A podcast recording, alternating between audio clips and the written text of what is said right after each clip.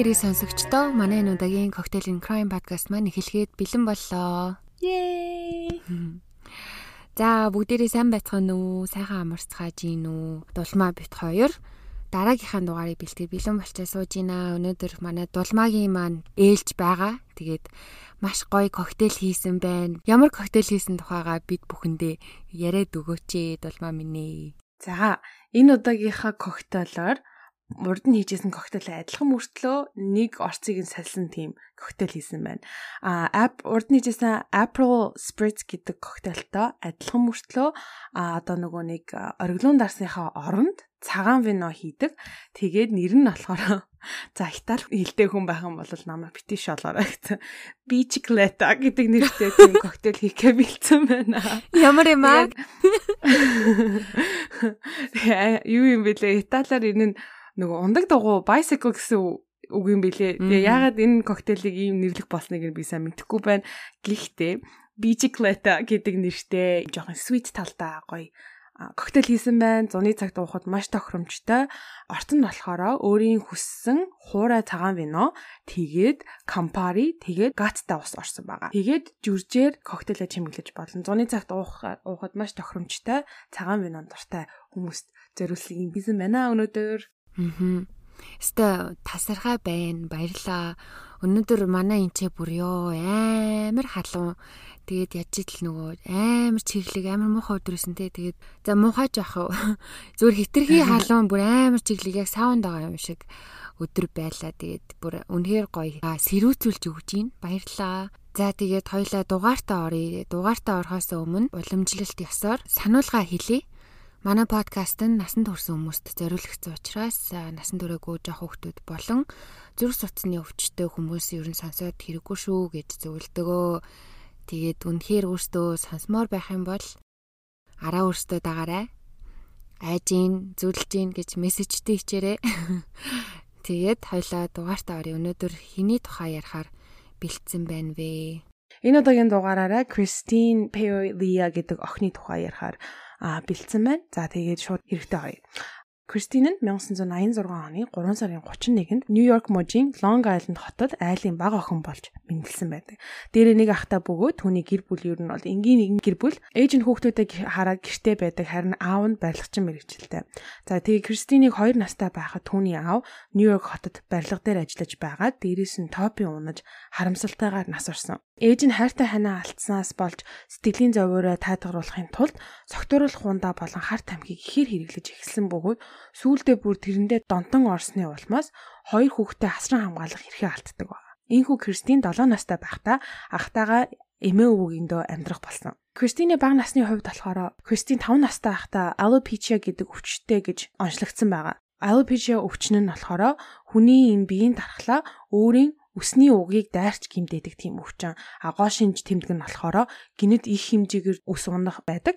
Тэгээ удалгүй охины толгооны үснээс эхлээд бүр биеийн бүх үсээ алддаг байгаа. За тэгээ энэ өвчин нь хичнээн одоо ус унгахаас өөр тийм хүнд а шинж тэмдэг биен дээр илэрдгүүч гэсэндээ одоо сэтгэл зүйн хувьд бол маш их нөлөөлдөг нь ойлгомжтой гинт зүг зүгээр ээжсэн бүх үсээ алтахаар чинь ялангуяа эмэгтэй хүн илүү хүн дээр тусгаж авдаг. Яагаад гэвэл эмэгтэй хүний одоо эмэгтэйлэг байдал те бүр зарим эмэгтэйчүүдэд гоо үзэсгэлэнгээ тодорхойлдог зүйлүүд энийг учраас тэгээ энэ өвчнөөс болж Кристин охин багаасаа хиймэл үс зүүж эхэлсэн ба тухайн үедээ яг ийм жинхэнэ үсээр хийсэн одоо нөгөө нэг юу хэмдэ чанартай хиймэл үс биш юм Халлоуины дэлгүүрээс авсан хиймэл үс зүүдэг байсан байгаа. Мөн дээрэс нь Кристин охины хараа маш муу байсан учраас нилээн зузаан тусгай шил зүүдэг байсан.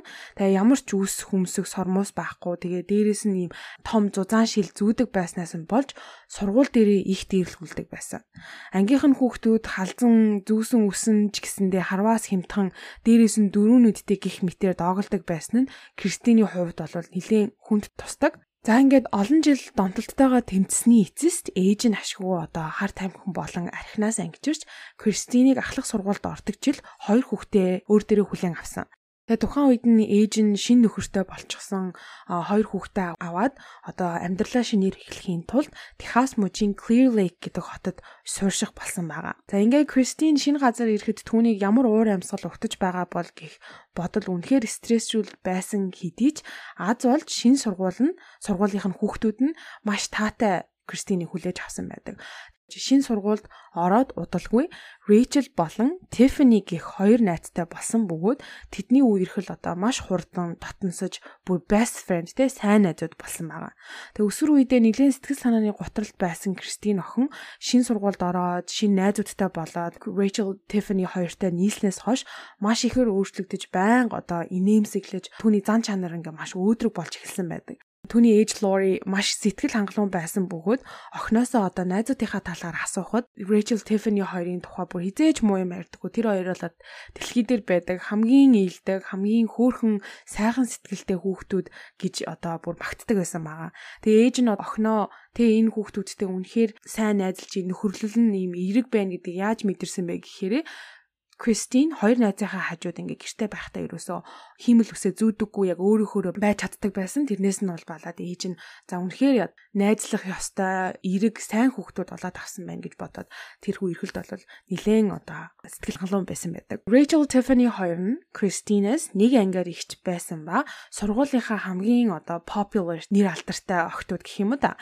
Тэр хоёр ингээ Кристинд гоо сайхан болон хувцлалт гих мэт зүйл дээр зөвлөгөө өгч жилийн дотор одоо Кристин бүр шаал өөр охин болсон байдаг. Урд нь бол Халлоуины дэлгүүрээс хямдхан одоо жоохон чанар муутай гэх юм уу да тийм хиймэл ус авч зүүдэг байсан бол нөгөө хоёр найз нь Кристинийг хиймэл усны тийм тусгай дэлгүүрт хүртэл дагуулж очин өөрт нь зохих тийм төрөл төрлийн үс авч яаж засах одоо үсээ арчлах гих мэтээр Кристинд зөвлөж тусалж эхэлсэн байдаг. Тэгээ ер нь бол яг юм жаахан охиноос өсвөр үеийн охин бүсгүй болохт нь бол яг хэрэгтэй байсан хүмүүс Мэттэй ийхүү тэдний үерхэл үргэлжилсээр Кристин охинж бүр цэцгэлсээр цэцгэлсээр 2003 онд сургуулийнхаа Miss Irresistible болсон байдаг. За Irresistible гэдэг үгийг яг ингээд орчуулах юм бол ницаашгүй үгүйсхийн аргагүй гэсэн утгатай. Тэгээ Кристин охины хувьд болохоор Miss Irresistible гэдэг нь одоо хамгийн дур булаам гэсэн утгаар одоо хэрэглэгдэж байгаа өөртөө ер нь бол нэлийн ихтгэлгүй байсан охин шинэ хотод очиод шинэ сургуульд ороод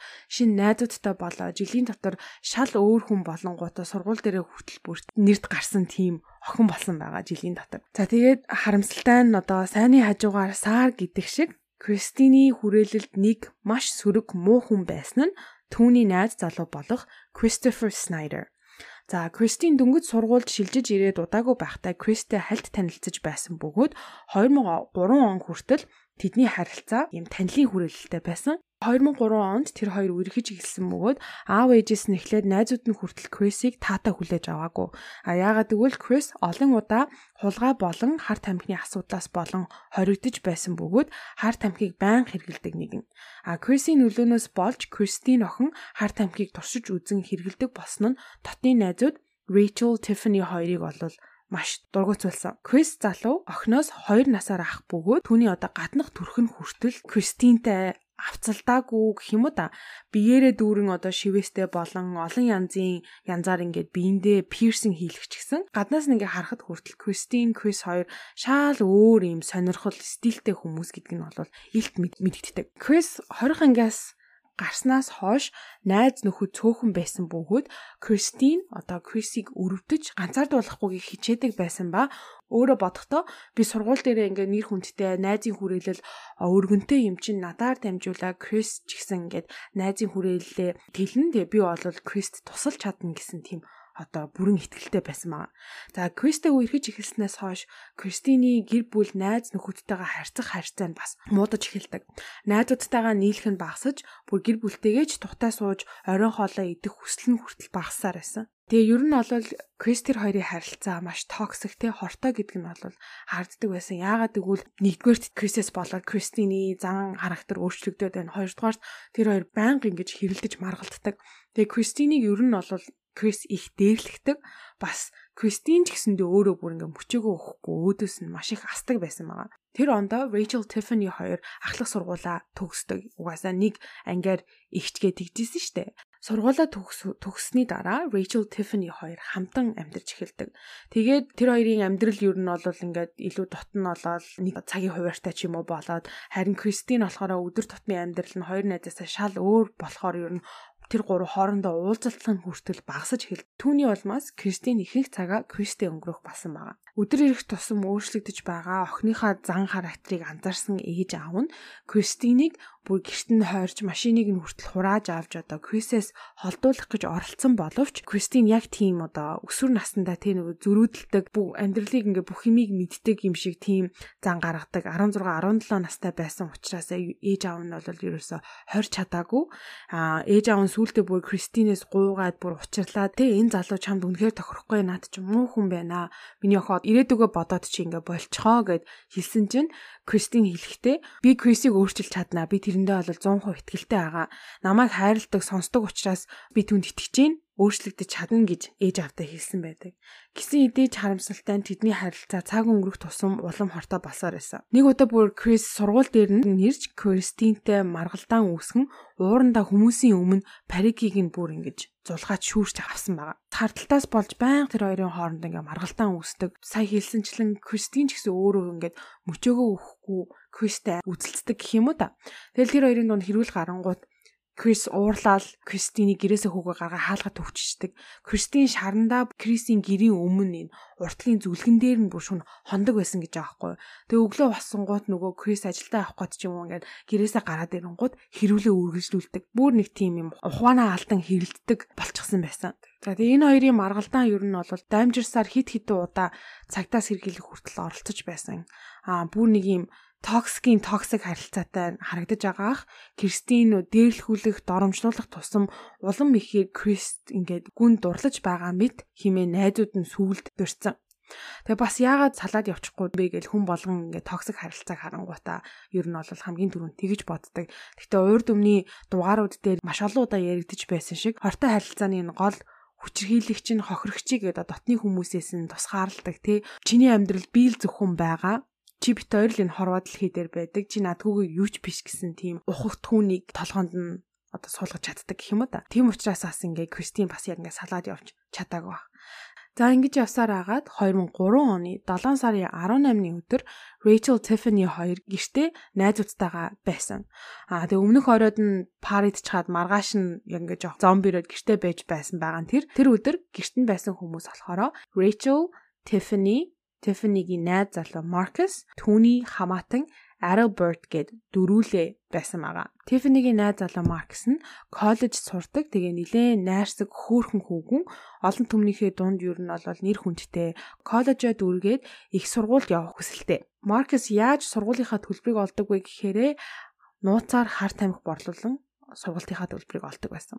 А түүний хамаатны хөвгүүн болох Arrowbert-ийн хувьд болохоор Clear Lake хотод нүүж ирээд удаагүй өмнө нь байсан газар нь ер нь бол амьдралын төвшин нэлээд муу байсан учраас гайгүй газар руу нүүж коллежд орж ер нь сургууль соёлд явж амьдралаа тэгтэлхээр Clear Lake хотод ирсэн байгаа. Ингээд Тэр өдөр Rachel, Tiffany, Marcus, Adalbert дөрөв байж байхдаа өөр нэг найзыгаа хүсвэл өнөөдөр ирээрээ бид нар энэ чинь ингээд одоо ханг аутлж байгаа бид нар хамт байгаа шүү манад гэд хэлсэн байдаг. Тэр найз нь 3 цагийн үед Tiffany рүү залгахад Marcus утсыг нь аваад оо Tiffany 0-д байна. Тэгээд гараад ирэхэд би чамайг залгасан гэ хэлий. Гэхэд тэр найз нь оо окей за би жоохон байж байгаад залгая гэд 30 минутын дараа тэр охин Tiffany рүү залхахад уцаа аваагүй байдаг. Тэр найз охин нь Tiffany-гийн гэртээ маш ойрхон явж байсан учраас за угаасаа хажууханд нь ирсэн юм чинь ороод гарыг гэд Tiffany-гийн гэрт 6 цагийн үед явж утсан.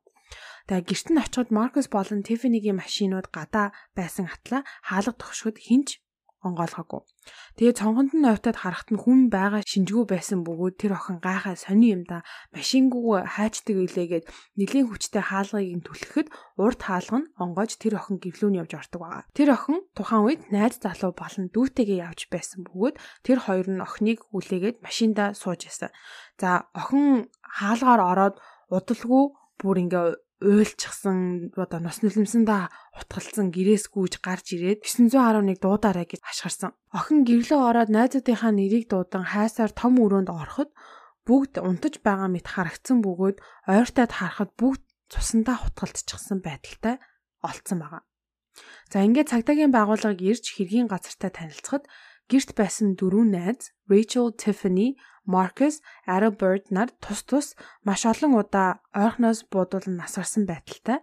Тэгээ өрөөний хаан шал таазаар дүүрэн гээд цус үсэрчихсэн мөн өрөөгөөр дүүрэн юм сумны бүрхүүлүүд олцсон байгаа. Хохирогч нарын гимтлээс үүдэн энэ хэргийг хувийн өш хонцонтой хүн болон хүмүүс хийсэн байх гэж таамагласан. А өөр нэг таамаглал нь болохоор Мексикийн мафтай холбоотой байх гэж таамагласан байгаа. А яагаад вэ гэхээр Маркес нь хар тамхи Мексикийн мафиас мафиагаас авдаг байсан учраас төлөөгүй өөр эсвэл одоо буруу хүний дургу хүргэсэн гих мэт одоо шалтгаанаар хөнөөсөн байх магадaltaй гэж үтсэн байдаг. Гэхдээ хохирогч нарын шарах хөнөөсөн байдлыг харахад арай ийм мафийн стил биш байсан учраас яг маф гэхэд бол тухайн үед бол хэцүү байсан. За ингээд мөрдлөг ихэлсэн боловч харамсалтай нь олигтой сэжүүр өгөх ямар ч баримт хэргийн газраас олдоогүй. Цагдаа нарын ганц мэдэж авсан зүйл нь юу вэ гэхээрээ яг тэр хэрэг болсон тухайн өдөр эрэгтэй эмэгтэй хоёр хүн хаус руу орж яхийг харсан. Хоёулаа хар өнгийн хувцас өмсчихсэн. Эрэгтэй нь болохоор шар үстэй, эмэгтэй нь болохоор толгой дээрээ юм хар өнгийн бандана зүүчихсэн байсан гэж мэдгдсэн. Тийм л баримтаас өөр юм олдоогүй. Хэргийн газар дээрээс ямар ч ДНК байхгүй хурууны хээ хинтээж таараагүй хэрэг ер нь бол ингээд жоохон мухардаж эхэлсэн. Амиа алдсан хүүхдүүдийн найзуудаас хамгийн хүнд цочрол цохилтонд орсон Кристин байсан. Тэр явдлаас хойш Кристин өдөр хоногийг орондоо уйлан өнгөрөх болсон байгаа. Харамсалтай нь энэ хэрэг 3 жилийн турш одоо ямар ч дэвшилтгүй явсан. Эцэст нь Рэйчелийн аав нь бүр аргаа бариад хувиасаа мөнгөө мөнгө гарган цагдаа нарын гаргаж өгсөн тэр аман зургийг одоо хоёр этгээдийн аман зургийг Америк даяар том том ийм замын хажууд байрлах зарын самбар дээр байрлуулж эхэлсэн. Тэгээ зарын самбаруудыг гаргаад удалгүй нэрээ нуудалсан нэг эрэгтэй хүн цагдаагийн газартай холбогдсон хэргийг хэн хийсэн талаар мэдэгдэж энэ хэрэг 2006 онд нааштай мэдээ сонссон байгаа. За тэр залуу хэлэхдээ 2004 оны үед rehab буюу донтолтоос ангижруулж одоо нөхөн сэргээх төвд хамт иж эмчилгээнд хэвтэж байсан эмэгтэй нэгдүгээрт энэ аман зурагтай адилхан харагдчихээн. Хоёрдугаарт өөрөө надад найзуудынхаа үхэлд буруутай гэж хэлжсэн ба тэр охины нэрийг Кристин Paolia гэдэг гэж хэлсэн байгаа.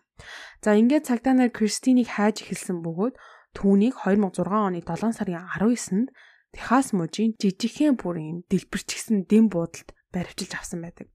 Кристин дэм буудлын өрөөнд сүүлийн 6 сар сарыг өнгөрөөсөн бөгөөд бүр юм хогоор дүрчгсэн. Бас нэг амтнд хижээдэг. Тэр дэм буудлынх нь өрөө нохооны баас шээс олчихсон.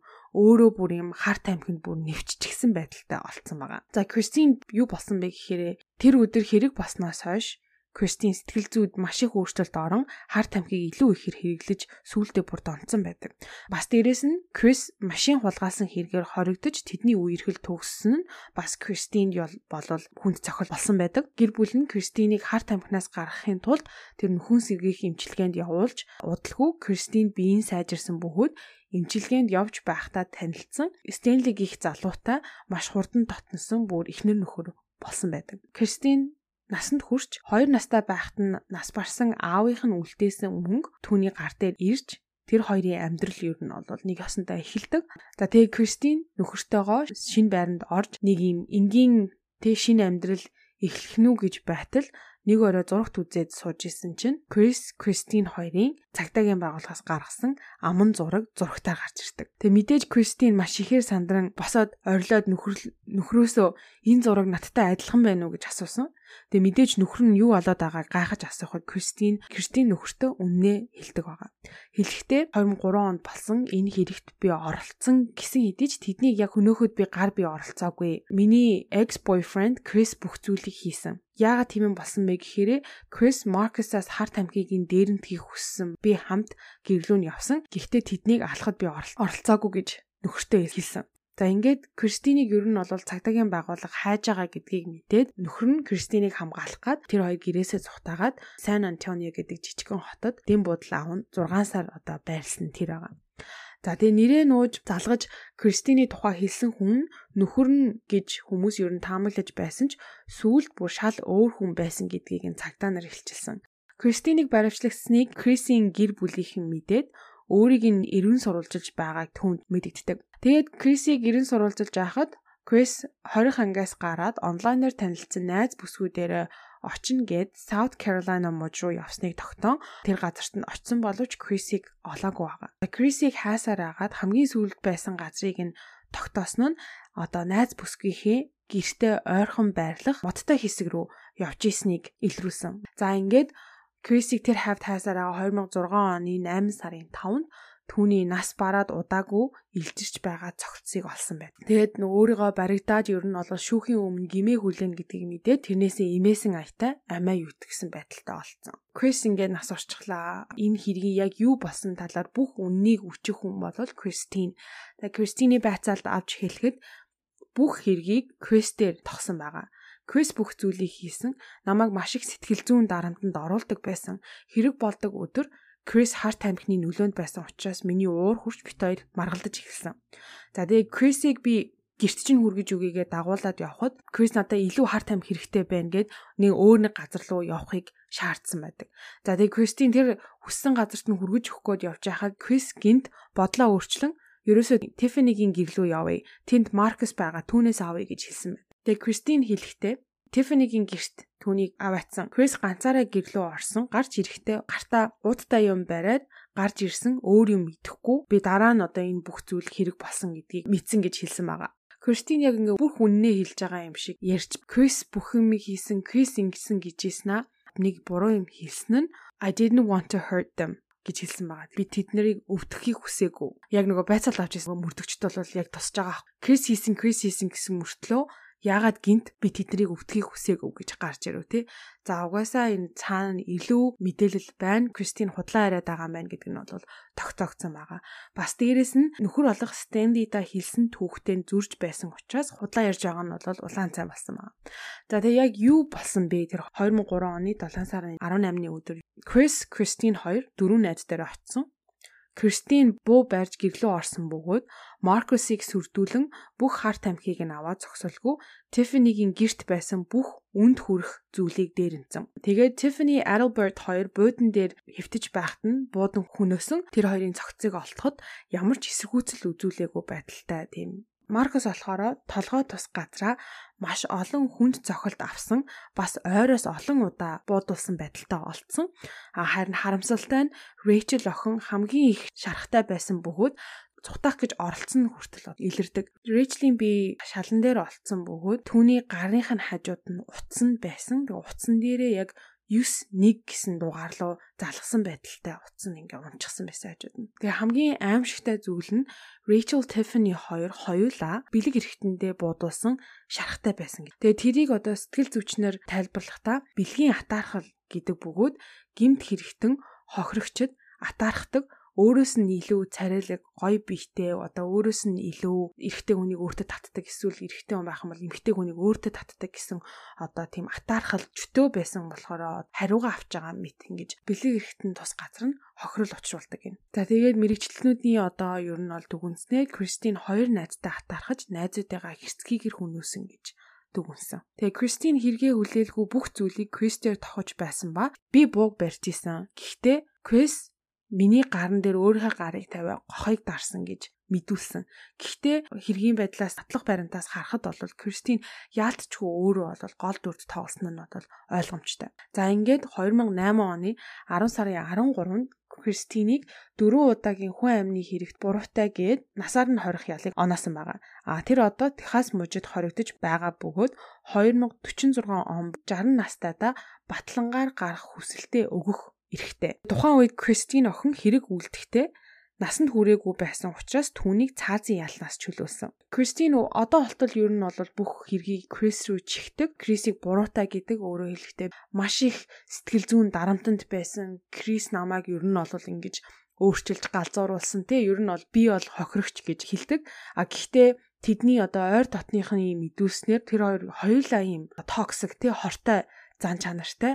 Тэгээ би биендээгаа ерөөсөө юм тохирохгүй мөртлөө эрхэл байгаа л байдаг байсан. Тэрнийхээ тэр нь одоо явсаар явсаар дамжирсаар байгаад иймэрхүү хэрэг гарсан байх гэж дурддаг. Баригдахад одоо хамт байсан Кристины нөхөр Стэнли юу штэ. Тэр бас юм нилээн бүтлгүүгээр заяа. Rehab буюу юм нөхөн сэргээх төвүүдээр имжлүүлж байна гэж нэрийдлэр явж гайгүй мөнгөтэй тийм баян айлын охтуудын толгойг эргүүл үерхэд бүр цаашлаад суудаг. Сууж гэр бүл олсныхаа дараа буцаад хар тамхинд нь оруулж тэр эмгтээчүүдийнхээ охтуудын мөнгөөр одоо амьдрдаг байсан тийм суртан залуу байсан. Тэгээ яагаад Кристинтэй угаасаа ингэж ойр татн болж ингэж үерхэж амар хурдан татансаж суусан бэ гэхээрээ 18 нас хүрээд насанд хүрэнгууд аавынх нь өвлүүлсэн мөнгө нь өөртөө нь ирээд 360 мянган доллар тийм их мөнгө авсан тэрийг нь мэдэн гутаа Инстенли гэдэг залуу наалтаж авсан байгаа байхгүй.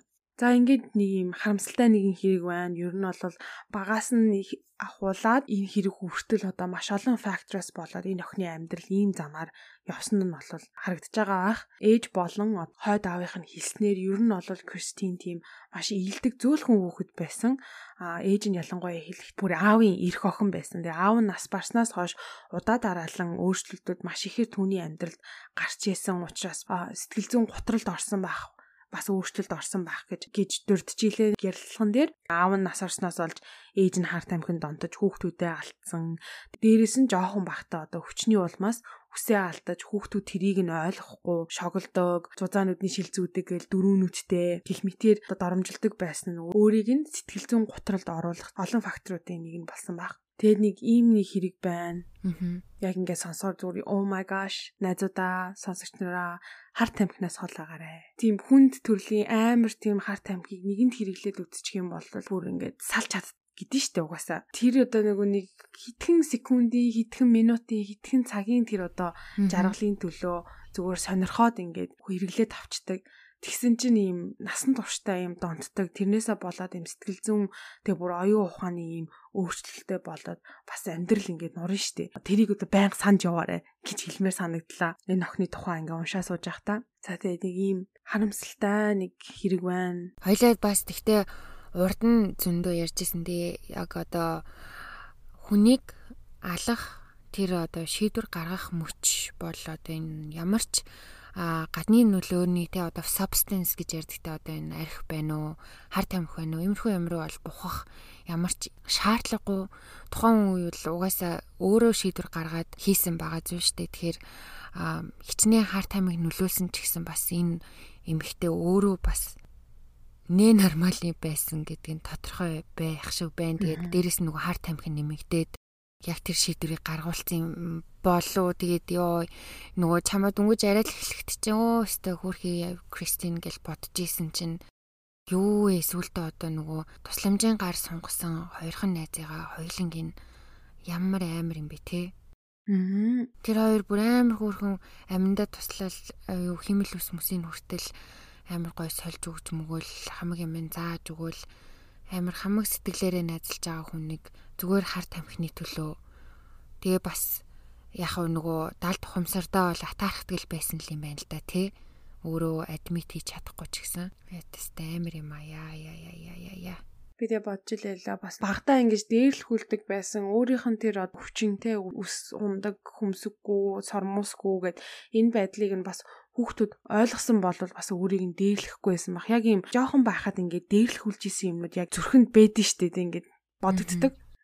Тэр ч нэг зөв хөхтэйсэн даа ч юм уу нэг тэгж хэлжсэн даа гэл нэг амар гомдмоор юм ингээд сонсчоор ингээд байгаад магадгүй үеийнх нь хүүхдүүд аа тий одоо тэр өвчнийг нь ойлгодог аа ийм юм байна тийм юм байна бас хүнийг ингэж болохгүй гэсэн бас хүмүүжил сайтай байсан бол энэ охин мэдээж 100% бүх юмыг нь өөрчлөхгүй ч гэсэндээ тодорхой хэмжээгээр нөлөөлөх байсан болов сэтгэл зүйдтэй эргээр.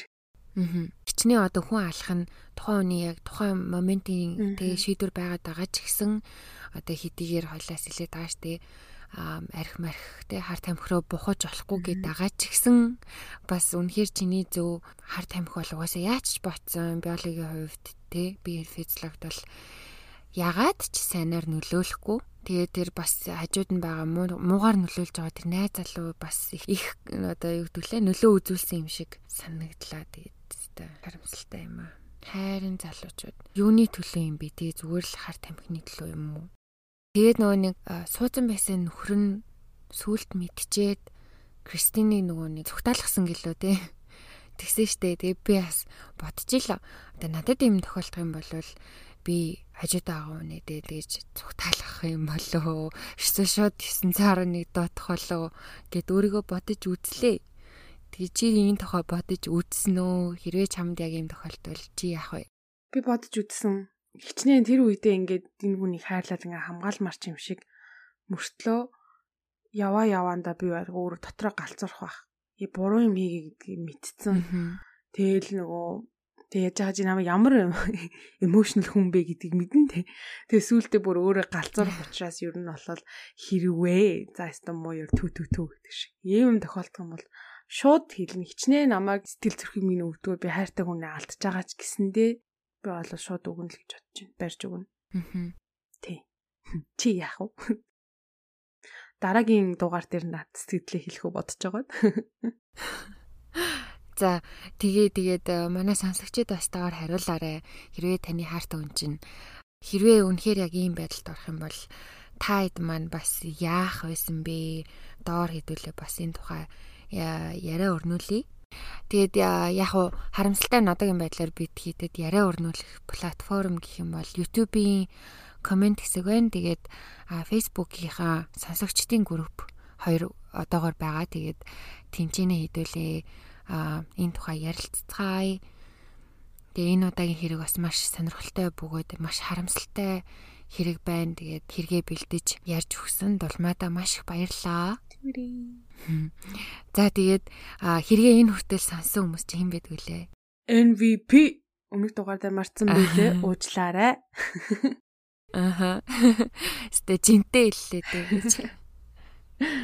За тэгээд бүх MVP нартаа маш их баярлаа. Тэгээд одоо хүртэл те бид хоёрыг дэмжиж одоо 2 жил болчихсон байна.